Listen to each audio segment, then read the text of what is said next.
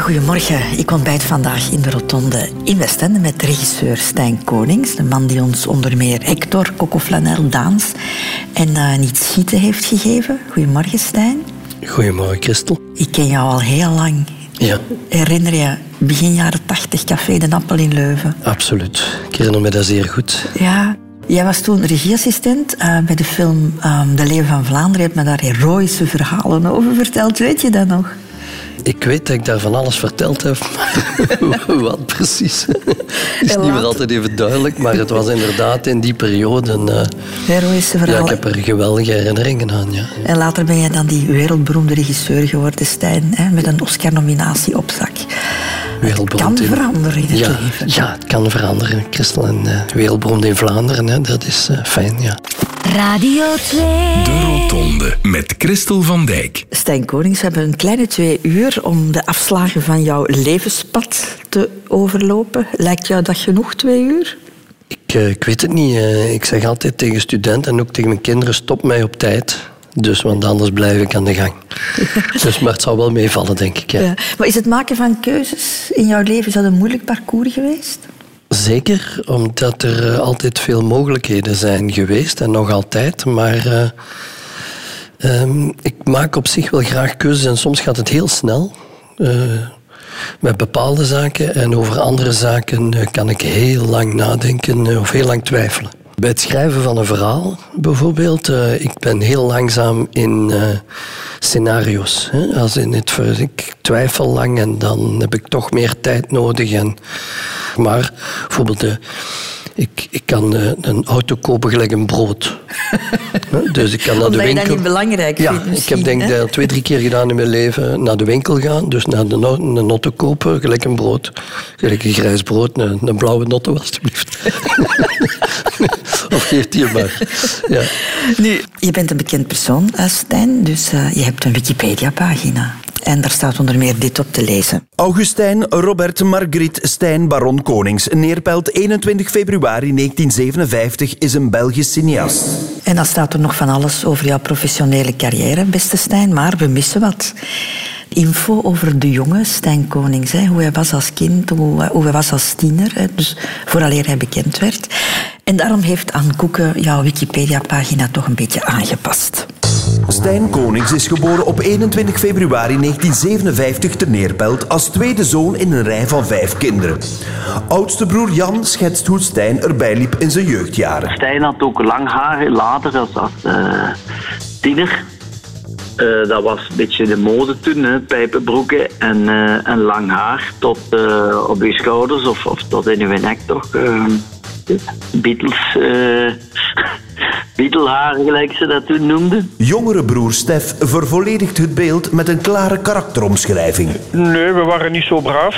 Allee, maar wat was, wat was stout in, in, in, de jaren, in de jaren 70? We waren bij allemaal... Uh, ja, toch wel wat mee met de, met de, de flower power en zo, hè de hippies en de dingen. En Stijn vulde, zoals het een echte hippie betaamt, zijn verschijning aan met een instrument, glimlach broer Stef. Hij was de eerste die een gitaar had. Dat is via hem dat ik eigenlijk ook in, in de muziek ben geraakt, bij wijze van spreken. Naast een begenadigd hippieartiest bleek de langharige Stijn ook een uitmuntende danser. In de dansgroep van het Sint-Hubertus College in Neerpelt, waar hij school liep, leefde Stijn zich volledig uit, weet broer Jan. Hij is daarmee naar Israël, Argentinië geweest, naar Canada, Spanje. Zo heeft Stijn zijn gevoel voor schoonheid meegekregen, denkt broer Jan. En ook... Door onze pa ook ingegeven als wij um, op elk moment...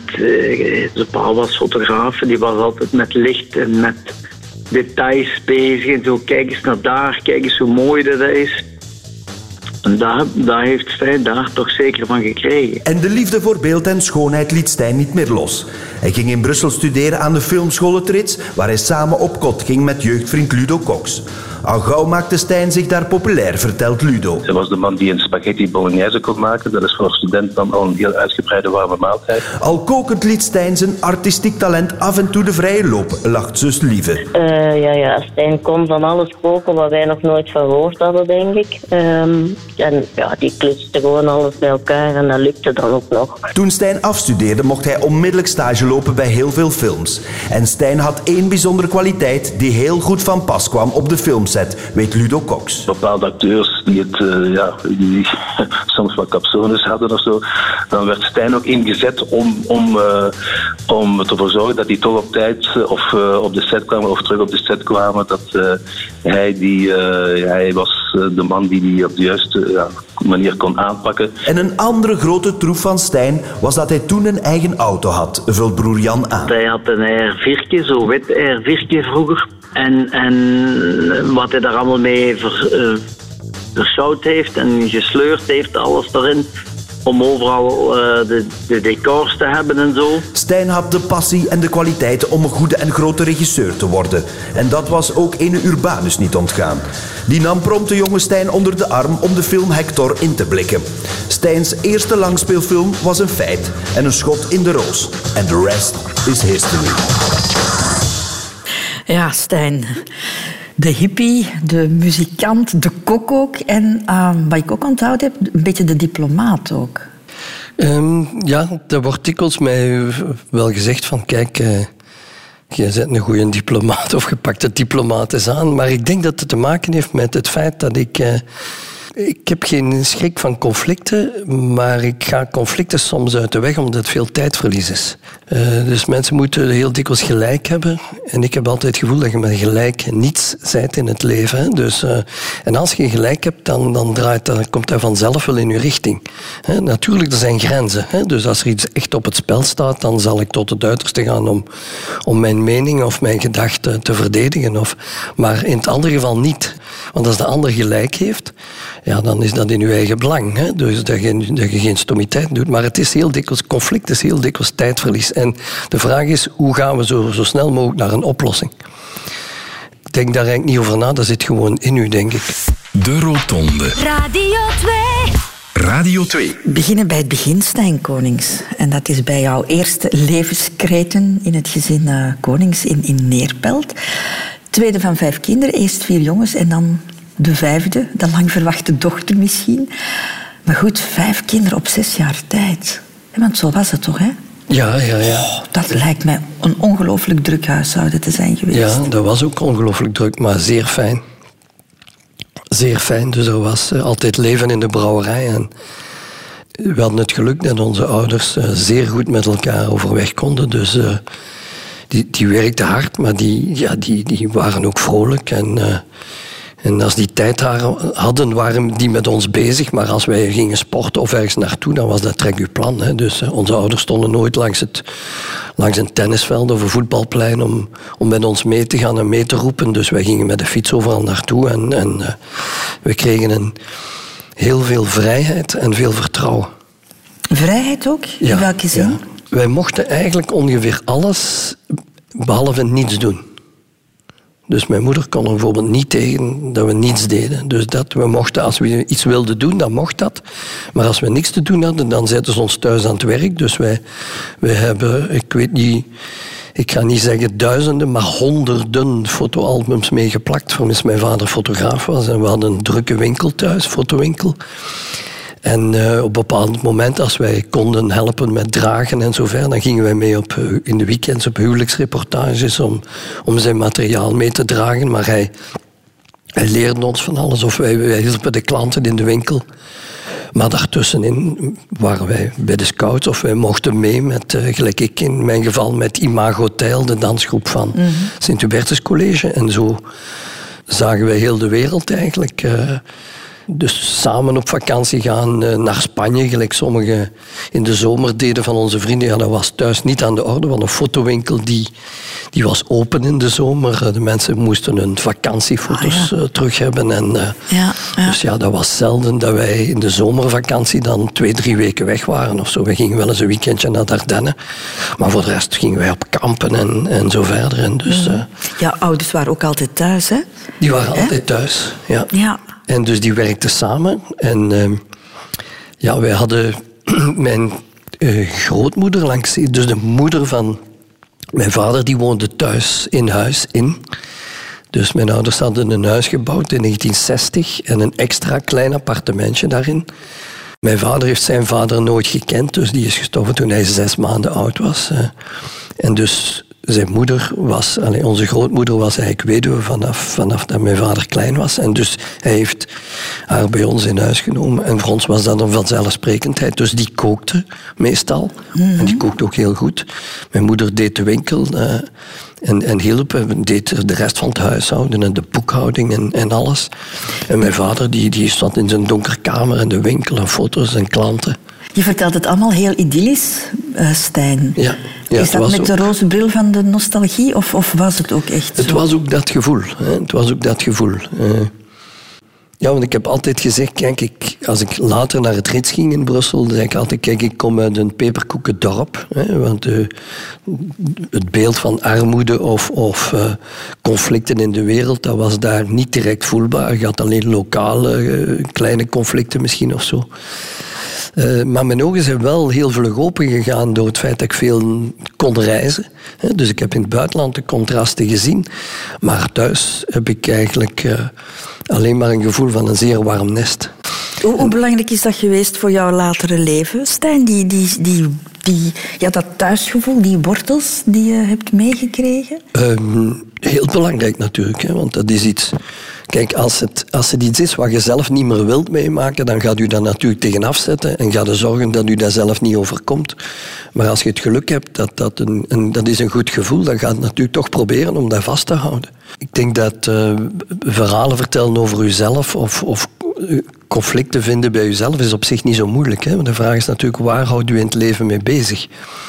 En ehm, dus ik, ik heb geen herinneringen thuis waar ik van denk, oh, daar moet ik tegen, tegen reageren. Of, of ik, eh, ik, ik koester die voor mezelf. En dat is een soort warmtegevoel wat je graag wilt delen eigenlijk. Dus het kan, het kan fijn zijn in het leven. En dat het leven keihard is, daar ben ik van overtuigd. Dus het is niet zo dat ik eh, mijn thuishaven gebruik als een idyllisch, idealistisch plaatje en vind dat iedereen nu maar eens zo moet gaan leven gelijk het bij ons thuis vroeger was. De nestwarmte, is dat de belangrijkste levensles die je van thuis hebt meegekregen?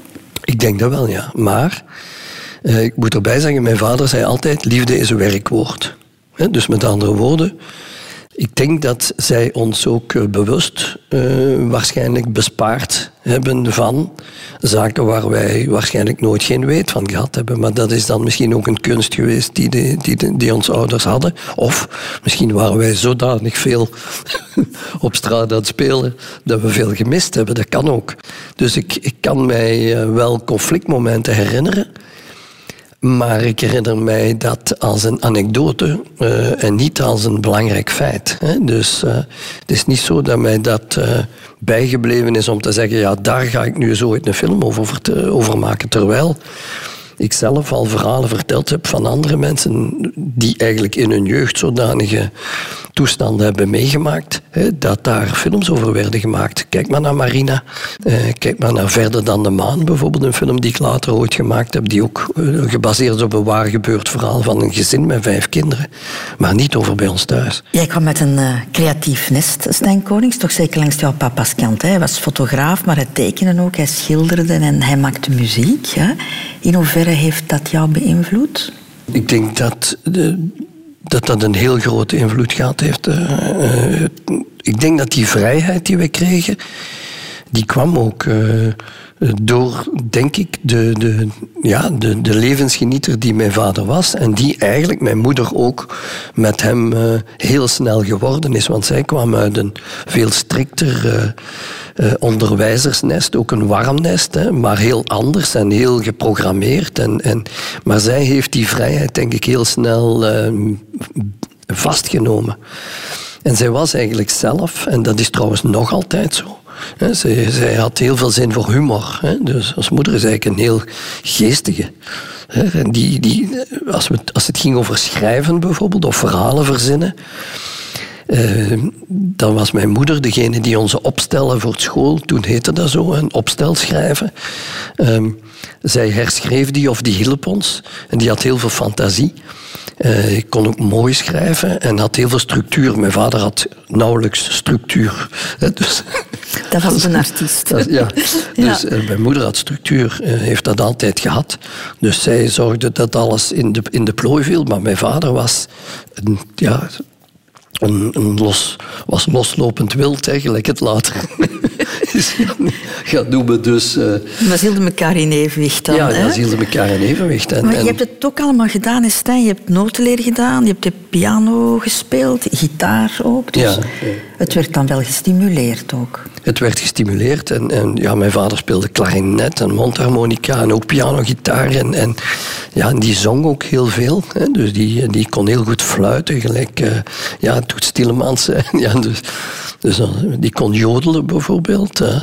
dus dat was heel grappig.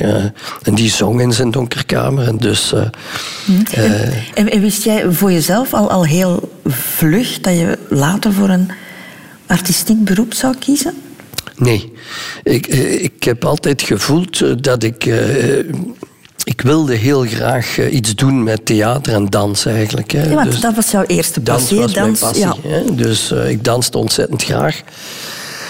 En eh, ik hield mij ook wel bezig met die, die fotografie en dat beeld en het licht hield mij ook wel bezig. Want ik, had- ik had toch dikwijls eh, eh, een filmcamera vast of als er bij de scouts iets te doen was of zo, dan ik wilde daar wel, eh, wel een, een film over maken of zo van die dingen.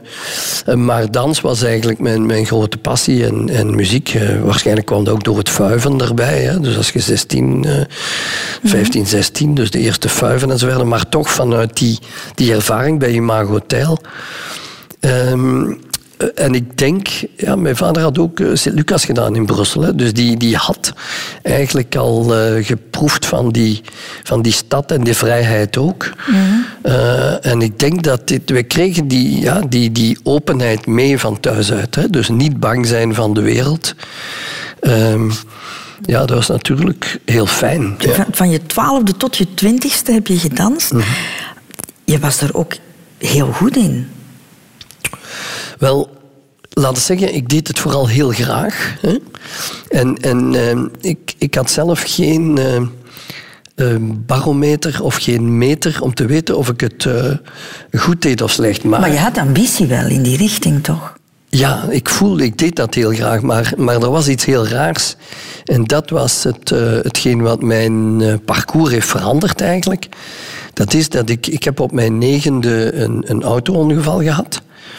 En mijn kaken waren niet eh, gegroeid. Dus die, waren eigenlijk, die groei was op een of andere manier tot stilstand gekomen. Door, dat, door die Door val. dat ongeval. Ja, ja, ja.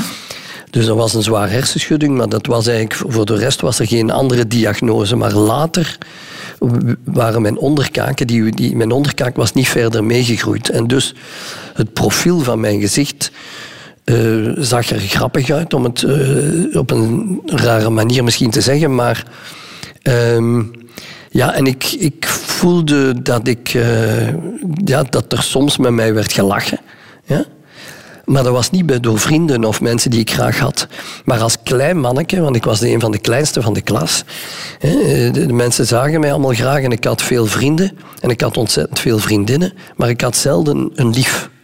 Dus ik, was, ik voelde dat ik niet tot de knapste hoorde. En zo voelde ik dat aan. En op een bepaald moment, als er bijvoorbeeld in de, in de dans een probleem was.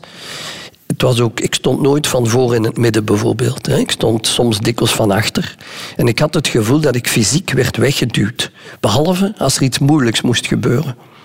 Dus dan werd ik naar voren gehaald. Of als er iemand gekwetst was en er moest iemand heel snel een, een, een hoofdrol innemen, dan kreeg ik die rol. En dat was een heel raar gevoel, maar ik kon dat niet plaatsen, want ik was daar niet mee bezig. Dus op een bepaald moment, eh, als ik 16 was, eh, traden wij op in eh, Argentinië, in Buenos Aires. En toen kwam er achteraf iemand naar, eh, naar mij toe en die zei, maar jij moet danser worden. Ik zeg, ja, dat zou ik graag doen.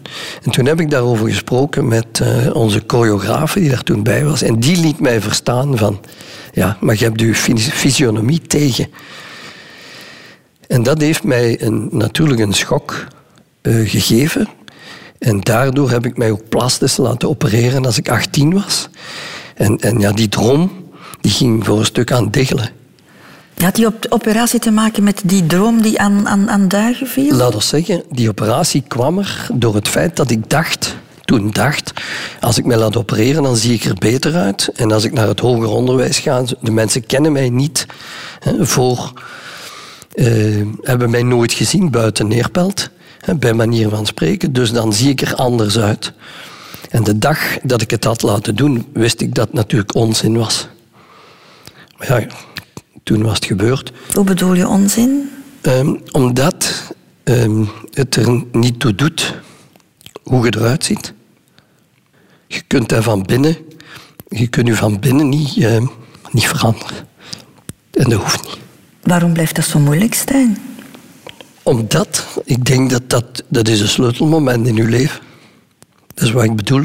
Ik heb geen conflicten gehad, alleen met mezelf. Ik denk dat dat de sleutel is in het leven. Is waar maakt u druk over? Als je niet gezond bent, dat is de moeite om je druk over te maken. Maar ik was gezond. Er was niks aan de hand. Ik had wel een, een, een auto-ongeval gehad. Maar eh, het klinkt enerzijds heel dramatisch, maar het is niet dramatisch. Het is gewoon een vaststelling. Dus dat is, een, eh, maar dat is iets persoonlijks, eh, wat geen wereldprobleem is. Maar daarom ik ook zeg, kijk, het is... eh, ehm, het, het heeft mij heel fel eh, ehm, ja, beïnvloed. Maar in de positieve zin. Hè, in de positieve zin. Maar had jouw leven er anders uitgezien, Stijn? Mocht je in die jonge jaren niet zo onzeker geweest zijn over jouw uiterlijk? Dat weet ik niet. Dat kan ik natuurlijk niet voorspellen. Hè. Ehm, eh, maar dat weet ik niet. Ik denk dat ik, eh, gelijk ik juist zei, ik ben, ik, ik ben wie ik ben. En, en eh, vanaf daarna, daarna, eigenlijk een paar jaar later, was het helemaal over. En voor de rest van mijn leven heb ik mij daar niks meer van aangetrokken. Op je achttiende, Stijn Konings, besluit jij om naar Trits te gaan. Hè? De filmschool in Brussel. Lijkt mij geen evidente keuze. Je had natuurlijk je vader, die ook op Sint-Lucas had gezeten, die misschien wel een beetje jouw pad geëffend had, of hoe moet ik het mij voorstellen? Ja, ik, ik, ik wilde kiezen tussen rechten of naar het rits gaan. En rechten waarom? Omdat... eh, voor te lachen had ik ooit gezegd als ik klein was, ik word notaris. Want die hebben een grote villa en een hele grote tuin. En wij hadden zo'n heel klein tuintje. Ik dacht, ja, we kunnen beter notaris worden natuurlijk. En wat moet je daarvoor doen? Dan moet je recht studeren. dus eh, op te beginnen. Dus dat was zo een cliché. Maar ook er waren zoveel mensen die, als je niet wist wat doen, dan konden bijvoorbeeld ook rechten gaan doen. Dat was, ik overdrijf, maar eigenlijk het zat wel in mijn hoofd. Hè. Het had nog niet direct iets te maken met rechtvaardigheid. Hè. Dat, dat rechtvaardigheidsgevoel is denk ik later groter geworden bij mij. Maar uh, daartegenover stond de wereld van dans en spektakel. En ik had altijd het gevoel van, ja, en, en film ook. Ik had een film gezien, La Nuit Américaine van Truffaut. Over het maken van een film. Als ik 17 was en ik dacht, wauw, meewerken in zo'n filmploeg, dat moet geweldig zijn. En uh, in onze dansgroep uh, Imagotel was er uh, iemand van de toenmalige BRT die de belichting dikwijls deed. Jeff van de Zande heette die man. En die was ook directeur op de VRT en die, die BRT en die zei: Kom maar eens mee kijken. He, uh, en ik mee naar Brussel, naar de studio's. En ik vond dat zo overweldigend om in die studio's op de BRT toen rond te lopen. En dat heeft mij eigenlijk, uh, laten we zeggen, doen beslissen om uh, zonder twijfel naar het rits te gaan. En daar kon ik dan kiezen, twee jaar later, tussen welke richting dat ik ging doen, film of televisie. Heb je daarvoor moeten ijveren thuis? Nee. Nee.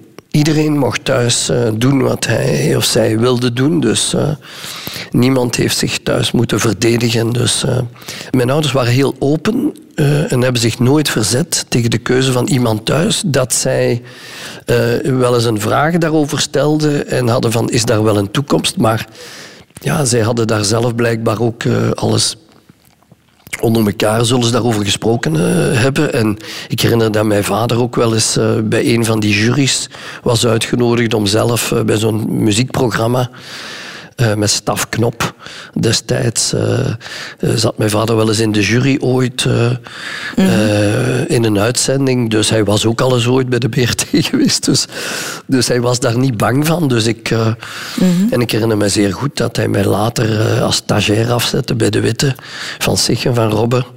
Dus als ik in het derde jaar zat op Trits en eh, ja, de- ik denk het feit dat, dat hij zelf ook in Sint-Lucas had gezeten, eh, Dat het ja, ook hij wist wat. Brussel was en, en mijn ouders spraken ook Frans. Eh, een deel van onze familie was tweetalig, eh, dus zij waren niet, echt niet bang van de wereld, nee. Maar hoe groot was die stap voor jou, Stijn? Van het idyllische Neerpelt naar die grootstad? Eh, die stap was zeer groot. Hè. Van Neerpelt naar Brussel. eh de eerste jaar liep ik daar ook rond, gelijk een kiek zonder kop. Echt? Ik was ook gebuist. Ik wist ook van toeten of blazen. eh Dominique de Rudderen ook. Hè. Wij zaten allebei in het eerste jaar, waren allebei gebuist. dus we hebben allebei het eerste jaar gedubbeld. eh. Daardoor, omdat het een beetje Ehm, overweldigend was? Eh, ik denk, eh, eh, ja, overweldigend. Totaal, eh, eh, maar op een positieve manier eh, ook wel doorheen geschud. Hè, door die grootstad, maar ook door de inhoud van hetgeen wat er verteld werd. maar het zijn ook de, de mensen die dan met totaal andere ideeën ja, ons bestookten, zal ik zeggen. Jaap Kruithof en Etienne Vermeers en zo verder. De filosofen die van, vooral vanuit Gent kwamen. Ja, daar heb ik ontzettend veel van opgestoken. En dat is mij ook bijgebleven. En die hebben vanaf het eerste moment mijn denken doen veranderen over alles.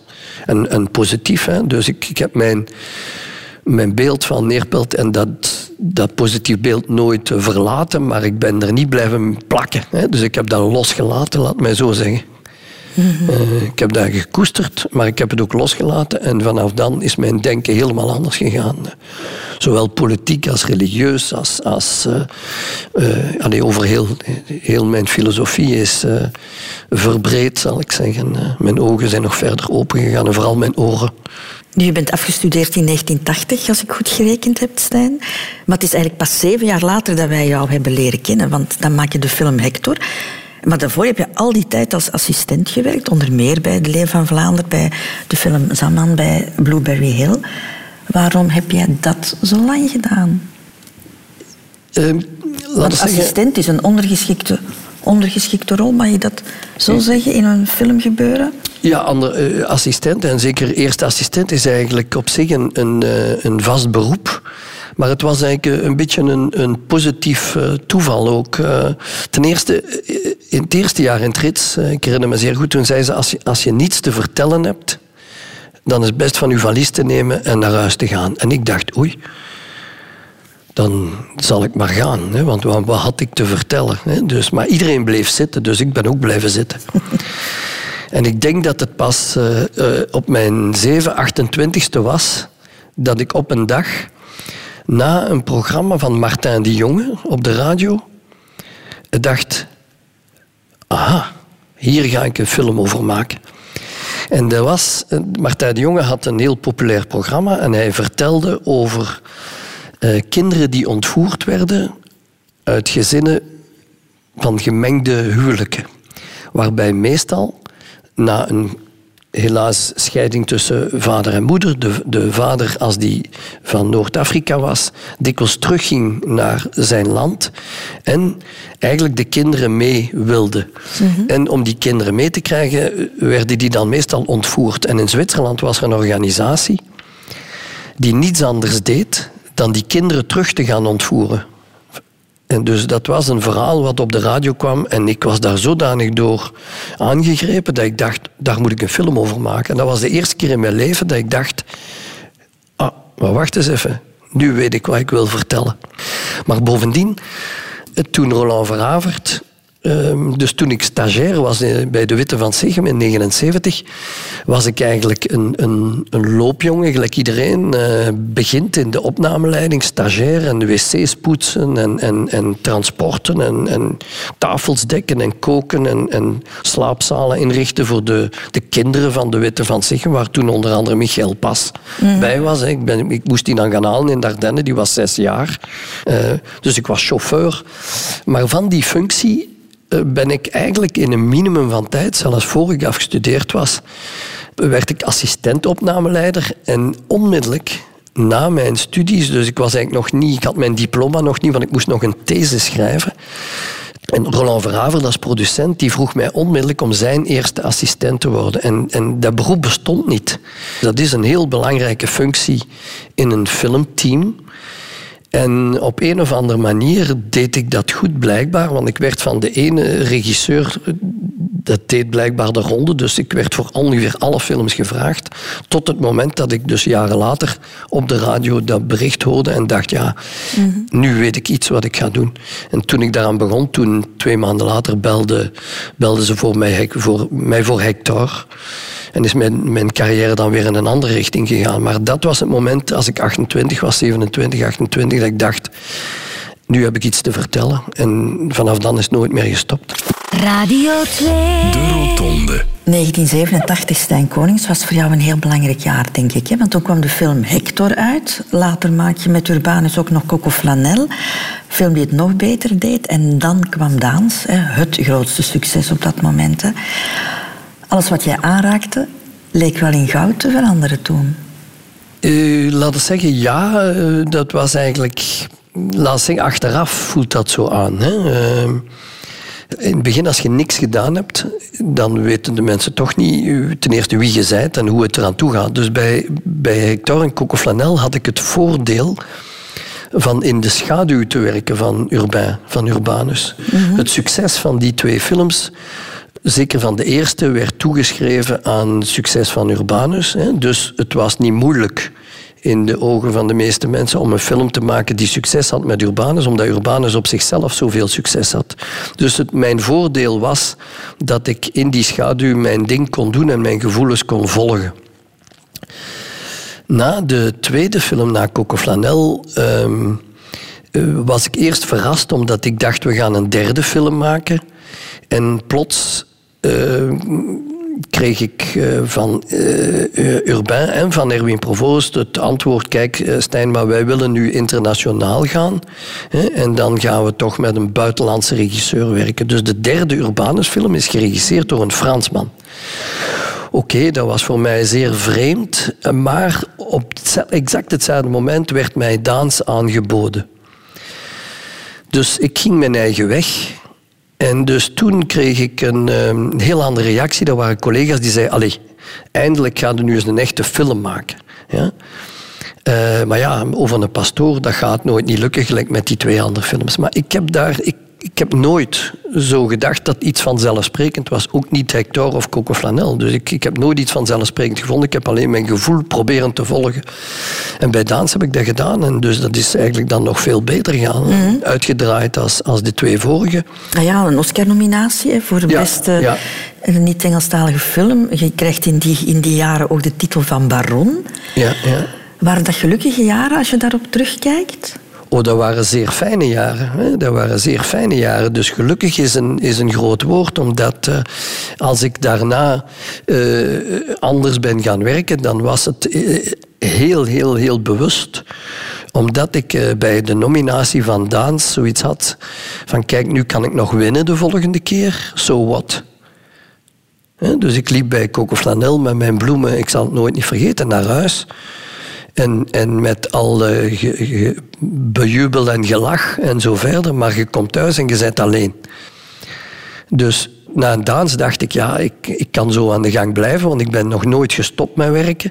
Maar ik wou eigenlijk, waar dat Coco Flanel over ging... Hè, Coco ging eigenlijk over, over mijzelf en over... Uh, ik, ik wil een lief, daar gaat die film over. Hè. Dus dat is eigenlijk voor te lachen, maar dat is eigenlijk ook voor te lachen autobiografisch. Ja, want het is een periode, je hebt nu ondertussen niet schieten gemaakt in Marina, heel succesvolle films, maar daartussen zit een periode, Stijn, die toch heel uh, moeilijk geweest is. Heel hè? moeilijk. Je bent even van het toneel verdwenen toch? Door projecten zoals de film over Pater Damiaan, die er niet gekomen is. Hè? Ja, ja, ja, maar dat is natuurlijk uh, dat is ook gepaard gegaan met de crisisperioden in de Vlaamse film. Wat betreft Damiaan heb ik uh, fantastische uh, ervaringen meegemaakt in de States.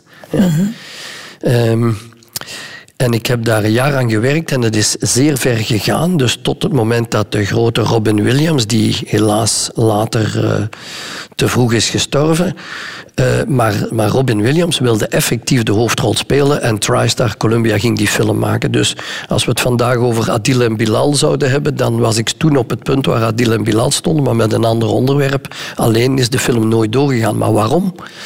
Door een interne Belgische politieke hypocriete situatie waar ik hopelijk later nog ooit eens een boek over zal schrijven. Dat is eigenlijk een gigantisch schandaal wat er toen gebeurd is, maar veel te lang om te vertellen. Maar laten we zeggen, ik, heb een, ik ben gigantisch tegengewerkt. Ik niet persoonlijk, maar dat project. Ja, door conflicten tussen andere mensen.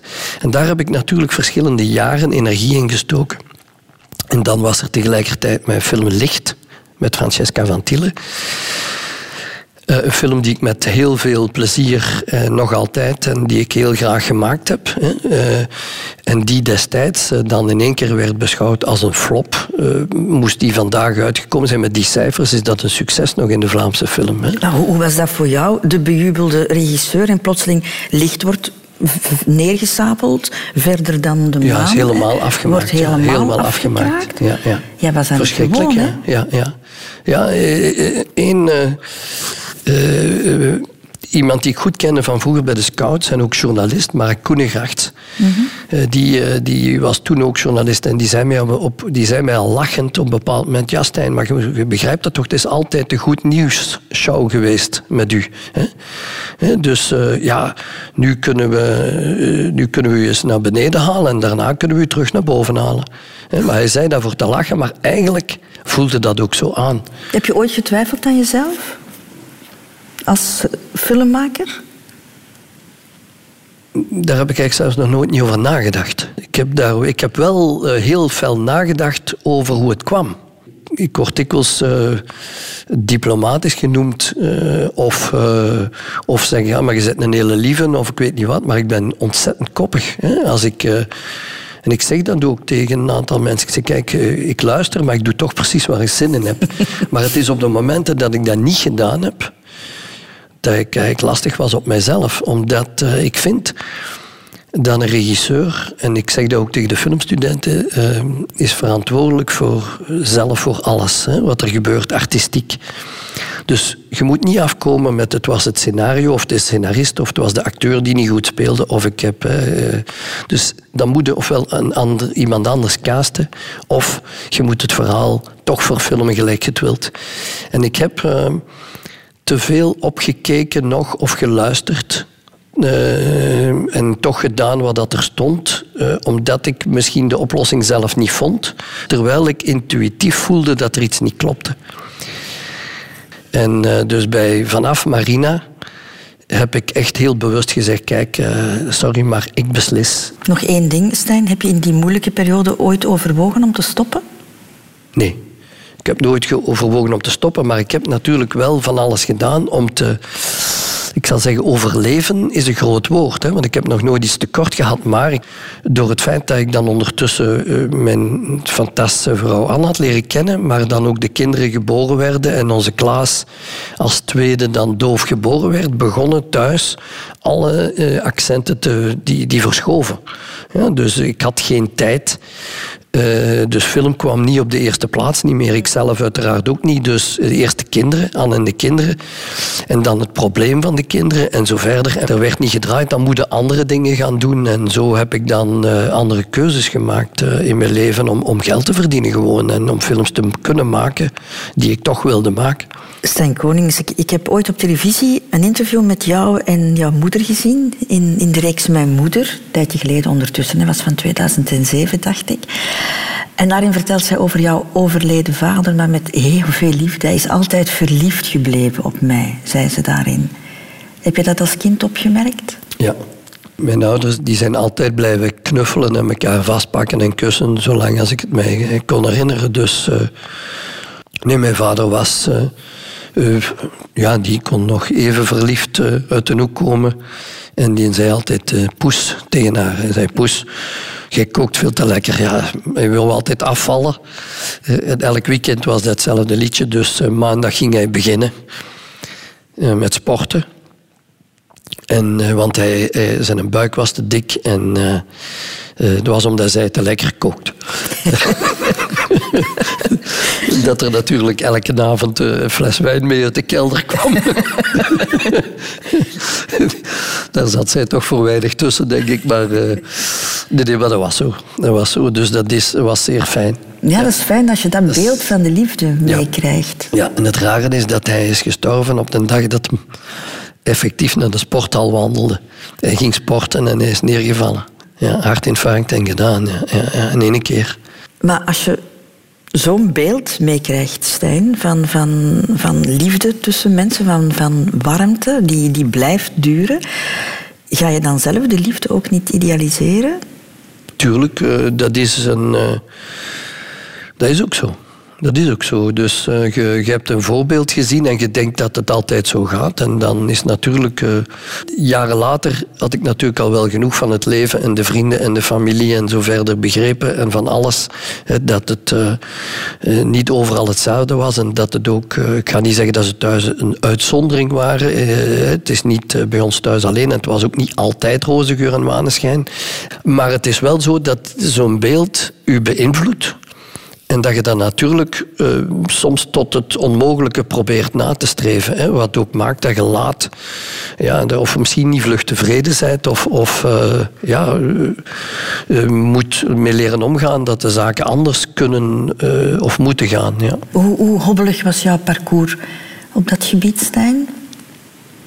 Mijn parcours was zeer hobbelig in die zin dat ik eh, ehm, heel lang ja, onderweg ben geweest totdat ik eh, eh, mijn, mijn vrouw Anne ben tegengekomen. Ik ben zo bepaald wel tegengekomen, maar dan heeft het nog jaren geduurd dat er iets tussen ons was. Je, je, je bent daar laat tegengekomen. Heb je ooit, ooit gedacht zo, het is niet voor mij weggelegd? Ik ga die persoon niet vinden? Eh, nee, ik ben eigenlijk. Ik, ik denk dat ik mij op een of andere manier altijd jong genoeg gevoeld heb hè, om, ehm, eh, om, die zoektocht niet te stoppen. Dus, eh, Een zoektocht noem jij het echt, hè? ja, maar het, ik, ik, ik, ik heb altijd het gevoel dat ik eh, veel gelijkenissen heb met dieren. Hè? Dus dat ik, mij, ik puur op mijn gevoel afga, op intuïtie. En, en, en laten we zeggen dat het een snuffeltocht is. Dus eh, dieren die elkaar tegenkomen, die snuffelen ook. op een bepaald moment komt iemand tegen dat je zegt, wauw. Dit is een geweldig gevoel. En toch is die realiteitszin daarin dat, er een, ja, dat de ene dag op de andere, dat je moet kunnen begrijpen dat als iemand een keuze zou maken en zei, kijk, en toch lukt het niet, ja, dan is dat een realiteit. Hè? Dus ik ben niet eh, oneindig naïef eh, dat ik denk, ja, eh, het kan nooit anders gaan in het leven. En gelijk ik al gezegd heb, mijn vader zei, liefde is een werkwoord. En dat is wat ik eh, ook altijd ervaren heb. En, en, en eh, dan lukt het ook. Of kan het lukken. Je was begin 30 eh, toen je Anne voor het eerst ontmoette. Zij was 16. Ik zeg wel ontmoeten, want jullie hadden toen nog geen relatie. Hè? Het is enkele jaren later pas dat dat gebeurd is. Maar goed, ze was wel 17 jaar jonger dan jij. Op dat moment, in die fase van het leven, was dat wel een heel groot verschil. Hè? Ja, tuurlijk. tuurlijk Heb je maar- nooit gedacht, waar ben ik nu mee bezig? Ja, maar ik was daar toen ook niet mee bezig. Ze was mij wel opgevallen. Maar eh, in die fase was ik niet met haar eh, in mijn hoofd. Ik liep toen, niet, eh, toen nog niet rond gelijk kieken zonder kop achter haar. eh, is jaren later Dat is pas jaren later gebeurd. als ik ze teruggezien heb. Heeft het leeftijdsverschil jou ooit doen twijfelen daarna? Het leeftijdsverschil heeft mij doen twijfelen net voor we samen waren. Eh, toen heb ik wel eh, gedacht, eh, kan ik dit, eh, mag ik dit eh, eh, van haar eh, eh, verlangen of niet? Ehm, dat wel, maar ik denk dat zij twintig of eh, zo was eh, als ik, ehm, als ik eh, bij manier van spreken eh, niet te houden was om haar te gaan opzoeken. Dat was na een visie van Daans. In de Kinepolis in Brussel, midden in de zomer. Dus de film was nog maar net af, want hij moest nog uitkomen in het najaar. En we hadden een, een, een, net zo'n eh, visie gehad. En die reacties waren... Er waren een 25 mensen, denk ik, in de zaal. Maar die waren zo super onder de indruk en enthousiast. En dus ik, ik had... Dat was de allereerste reactie op de film. En ik had dat niet verwacht. Dus ik kon dat... Ik moest dat delen met iemand. En dus dan ben ik in de auto gesprongen. En ik wist dat zij ergens op kamp was eh, met de Giro. En dan ben- als leidster. En dan ben ik daar naartoe gereden. En stond ik daar de ene keer op dat kamp waar ik eigenlijk niks te zoeken had.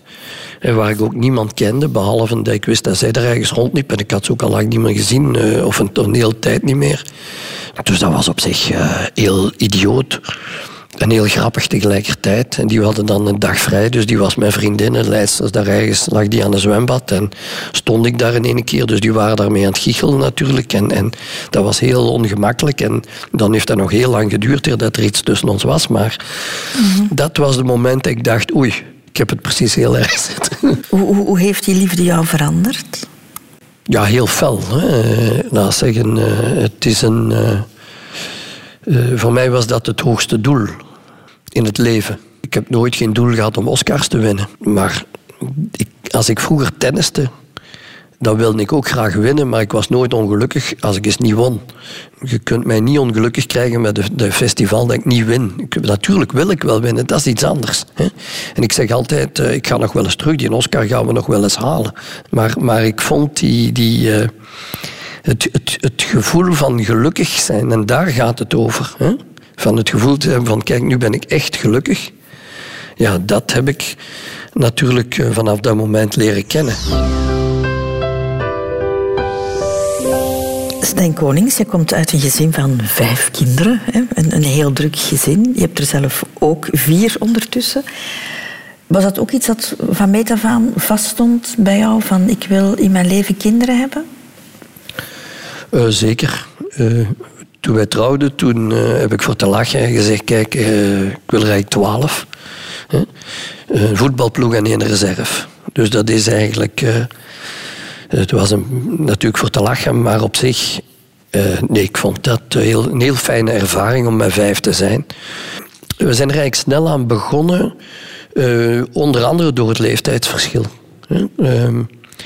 Eh, goed wetende dat ik al eh, een stuk ouder was. En anders, eh, als wij kinderen zouden hebben, ja, dan, dan zou dat verschil misschien nog meer voelbaar zijn. hè. Ja, ja ou- Maar- oudste dochter was er heel snel, hè? Na, Was er heel Na snel. jullie trouw, hè? Was, eh, Ja, ja ze wa- tussen? was al zwanger, dat wisten we zelfs niet. Toen we trouwden was ze zwanger. Dus, ja, ja, ja. Maar we hadden wel beslist van eraan te beginnen.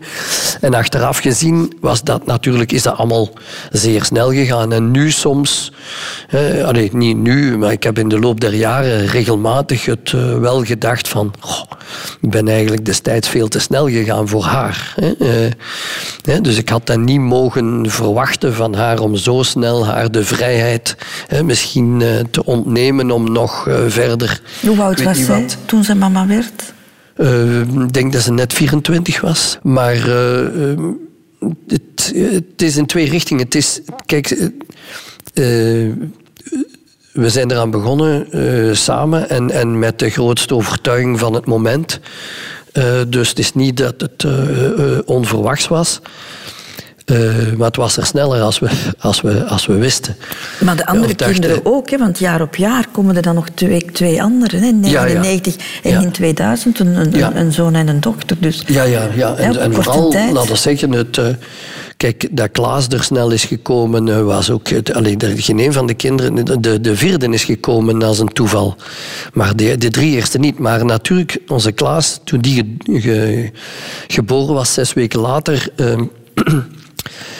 door een allereerste algotest, gelijk ze dat noemen, bij kind en gezin, eh, wisten wij, kregen we te horen dat hij doof was. Dat er een gehoorprobleem was. Ehm, en dat was natuurlijk een, een eh, zwaar verdikt in één keer, waar we ons totaal niet aan verwacht hadden, omdat het niet in de familie zat.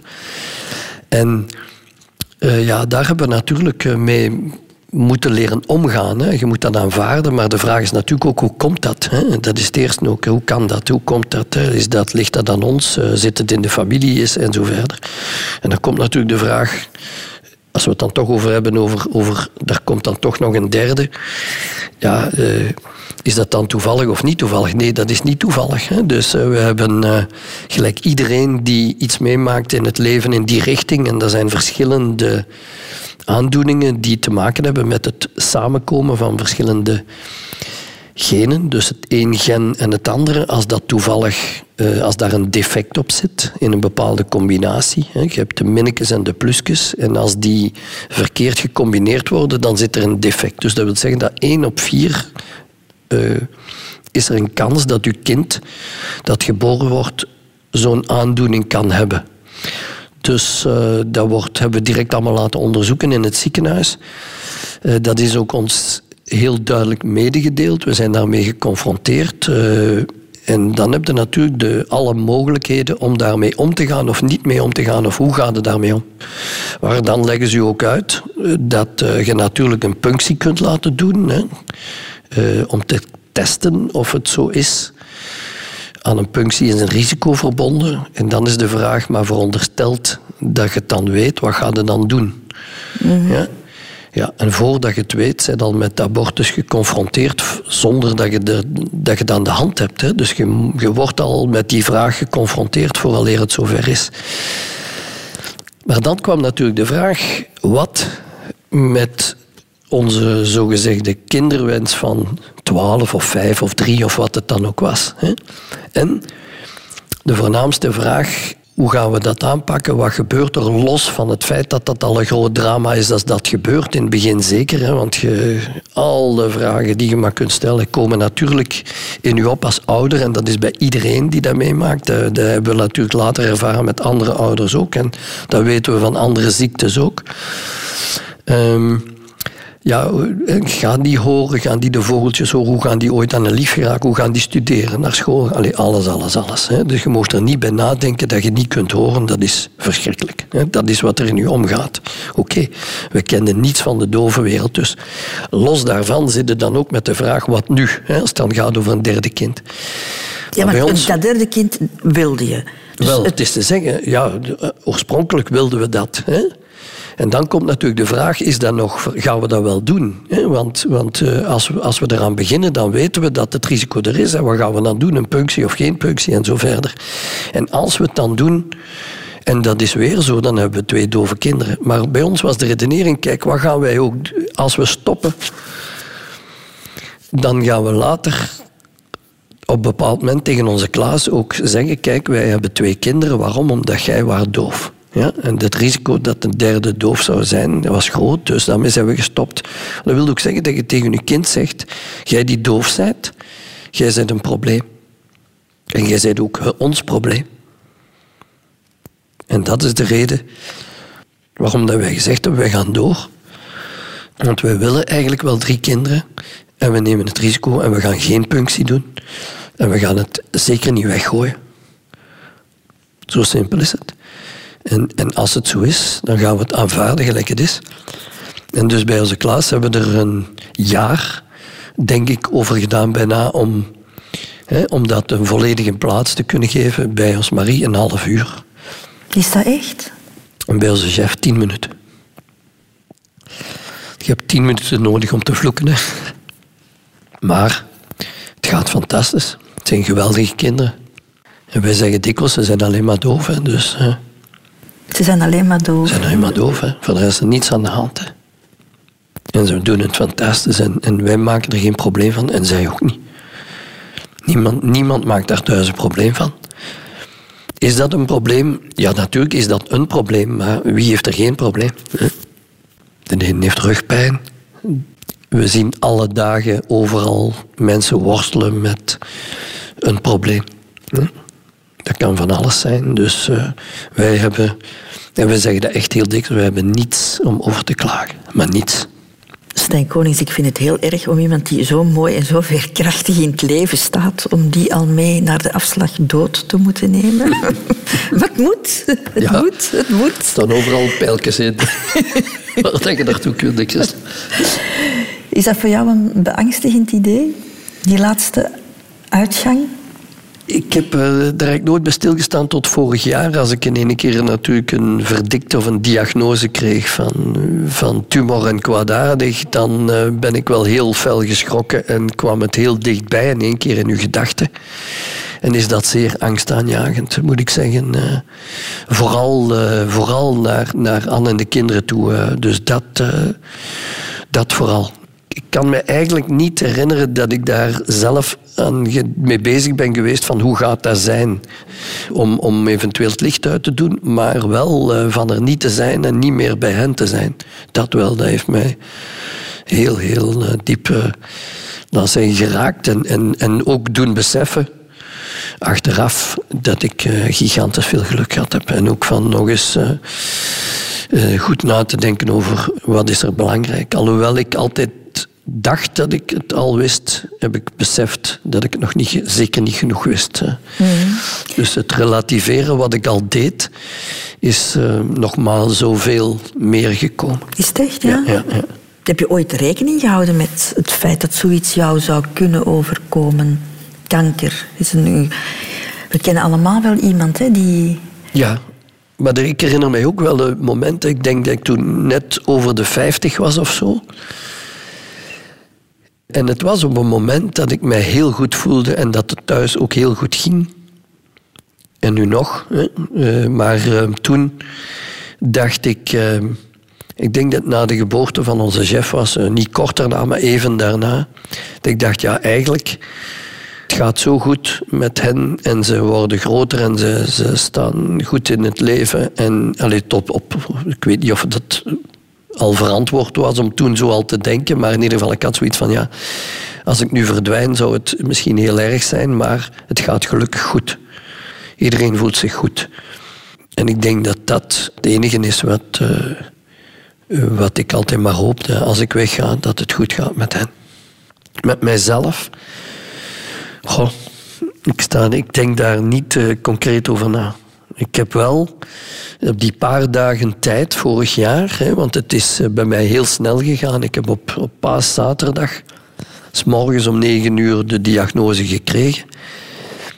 Dus eh paasmaandag was alles gesloten. Dus de eerste afspraak kon pas op dinsdag gemaakt worden. En vanaf woensdag was ik in het ziekenhuis in Leuven. Eh, en ben ik eh, aan één stuk onderzocht tot eh, het begin van de week daarop. En het einde van die week ben ik al geopereerd. Dus op, op die, laten we zeggen, op die tien dagen tijd, want ik heb nog twee dagen gefilmd. Ik heb op paasmaandag en dinsdag nog gefilmd, om, om, om heel de productie niet, van Dag Sinterklaas destijds niet te laten stilvallen. Maar... op die dagen heb ik natuurlijk wel, is er heel veel door mijn hoofd gegaan. Eh, en, en niet alleen door mijn hoofd, ik heb het ook met de kinderen en met Anne besproken. Niet onmiddellijk, maar in de dagen daarop. Ja, en dan zijn ze toch eh, met alles bezig, maar ook in de praktijk, met verzekeringen, met... eh, Ja, kon je Ja. dat? Daar al mee bezig zijn dan? ja, ja niet, niet, de, niet de eerste dag, hè, maar, ik, maar je bent toch verplicht om een paar dingen te vertellen als, als je niet meer terugkomt. Je, je, gaat daar niet van uit, maar je, moet, bent toch zo realist dat je zegt, ja, moest dat hier eens fout gaan? eh, eh, ja, daar ben ik wel fel mee bezig geweest. Heel fel. Maar eh, hoe emotioneel dat ik ook kan zijn, ik ben niet twee weken in een huilbal, huilbui hervallen. Dus in tegendeel, eh, ik heb van in het begin het gevoel gehad van kom, eh, er zijn zoveel mensen die dat hebben, die die diagnose krijgen. We moeten niet flauw doen, hè. je moet daar tegen vechten. Allee, vechten in de zin van je moet je niet laten gaan. Je moet niet de kleuter uithangen en triestig in een hoekje gaan zitten en zeggen ah, ik, heb, eh, ik eh, ben ziek en dit. Nee, dus je bent ziek, oké, dat is goed. Nu gaan we dat proberen op te lossen. Hè. Dat is de houding. En daar, in die zin heb ik, eh, dat meen ik ook altijd, ook daar het, het volste vertrouwen altijd gehad. eh. Maar dat heb ik altijd gehad. Ik heb al heel veel in mijn leven aan de hand gehad. Ik heb al lang een andere heup en, en veel keren geopereerd en zo verder. Dus ik heb er geen schrik van. Maar ondanks dat is er een streep in je leven getrokken en je moet daar rekening mee houden. Met die streep. En, en dat wil zeggen dat de plannen die je op dat moment in je hoofd had, hè, die zijn meteen weg. Hè. Dus er zijn geen plannen niet meer. Hè. Dus die toekomst wordt letterlijk afgesneden. Of het gevoel dat de toekomst wordt afgesneden is eh, ontegensprekelijk zo. hè. En, en dat gevoel gaat pas weg op het moment dat je zegt, ah ja, inderdaad, het gaat goed en, en het is eh, blijkbaar opgelost. En pas Ja. dan, langzaam, komt er weer eh, zo'n bolken aan de horizon en ziet het licht weer komen. Nu, je hebt het geluk gehad dat, het, Ja, ik heb heel veel geluk gehad. dat je geen chemo en dat Ja. soort dingen, dat de tumor goed te behandelen was. Ja, Het was een zware tumor en die is heel zorgvuldig weggehaald. En, eh, en voilà, dus ik, eh, en zeer snel en net op tijd. En, en eh, dus ik ben binnenste buiten gedraaid, goed onderzocht, eh, alles opnieuw gecheckt, gescand en zo verder. En, en ik had het grote geluk dat het uiteindelijk niet kwaadaardig was en niet uitgezaaid. Dat moet nogal een opluchting geweest zijn, zeg. Ja, en eh, zowel Anne als ik, we zijn er drie dagen niet goed van geweest van het goede nieuws, omdat het eh, emotioneel zo'n ommezwaai is. Hè, dat, het, eh, ja, dat je daar opnieuw een plaats moet geven, maar natuurlijk dolblij. En het was midden in de examenperiode van onze kinderen. En eh, ook al kon ik nog maar te goed, net te goed op mijn benen staan eh, na drie weken. Ik had zoiets van, ja, we moeten hier vooruit met de schuit. Dus eh, niet de zieken uithangen. Hè. Dus, en ik ben eigenlijk misschien een beetje te vlug er terug tegenaan gegaan, maar eh, ik was half juni terug actief. En ehm, wel kalmer aan, maar sindsdien, vanaf, vanaf dat moment heb ik, eh, ik ben wel terug actief geweest, maar ik heb vanaf dat moment heel andere keuzes gemaakt eh, in mijn leven al. Eh, keuzes die ik anders nooit niet maakte, beslissingen genomen van dat ga ik wel doen, dat ga ik niet doen. Kan je daar een voorbeeld van geven? Ja, ja. Ik, begin, begin 2019 eh, hadden we het nog over de plannen, want ik, ik ben al jaren actief in twee filmscholen. En, en Anne is ook aan het werken in, in school. en, en dus we hadden zoiets van, ja, we werken... Ik zeker, ik werk veel te veel. Ik, eh, het is voor haar ook veel aangenamer als ik meer thuis ben.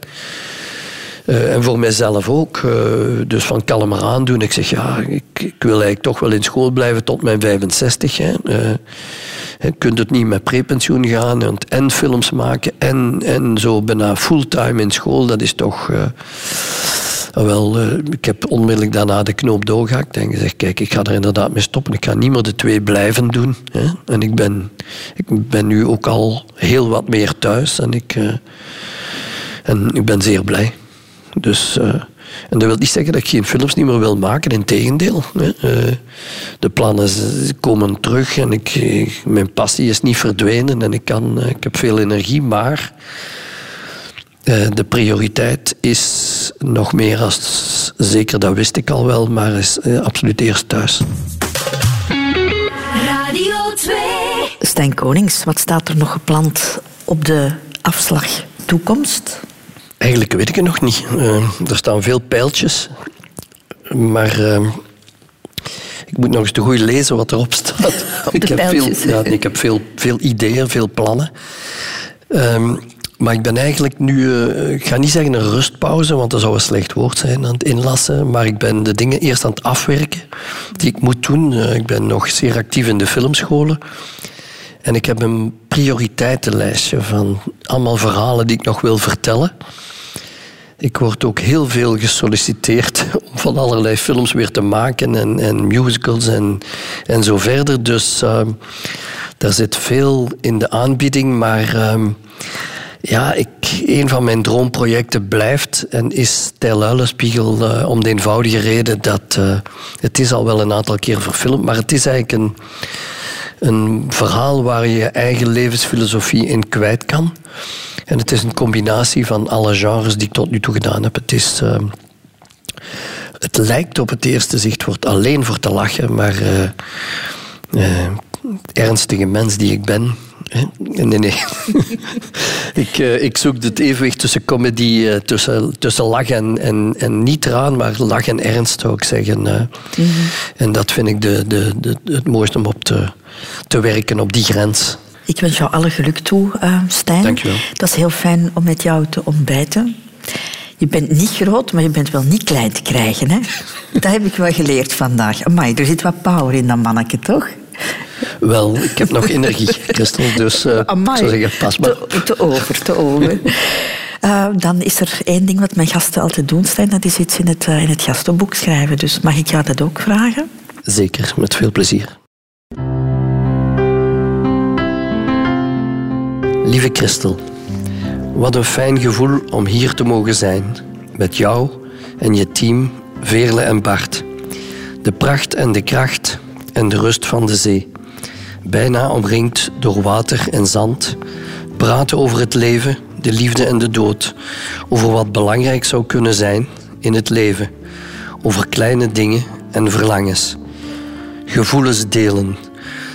We zijn allemaal maar mensen. Nee, niet zomaar. We willen allemaal hetzelfde, ons goed voelen, op zoek naar geluk. En dat zit in kleine dingen. Over de dingen en mensen spreken die ons dierbaar zijn. En hier mogen zijn. Het leven is kort. Laat ons genieten. Dankjewel. Stijn.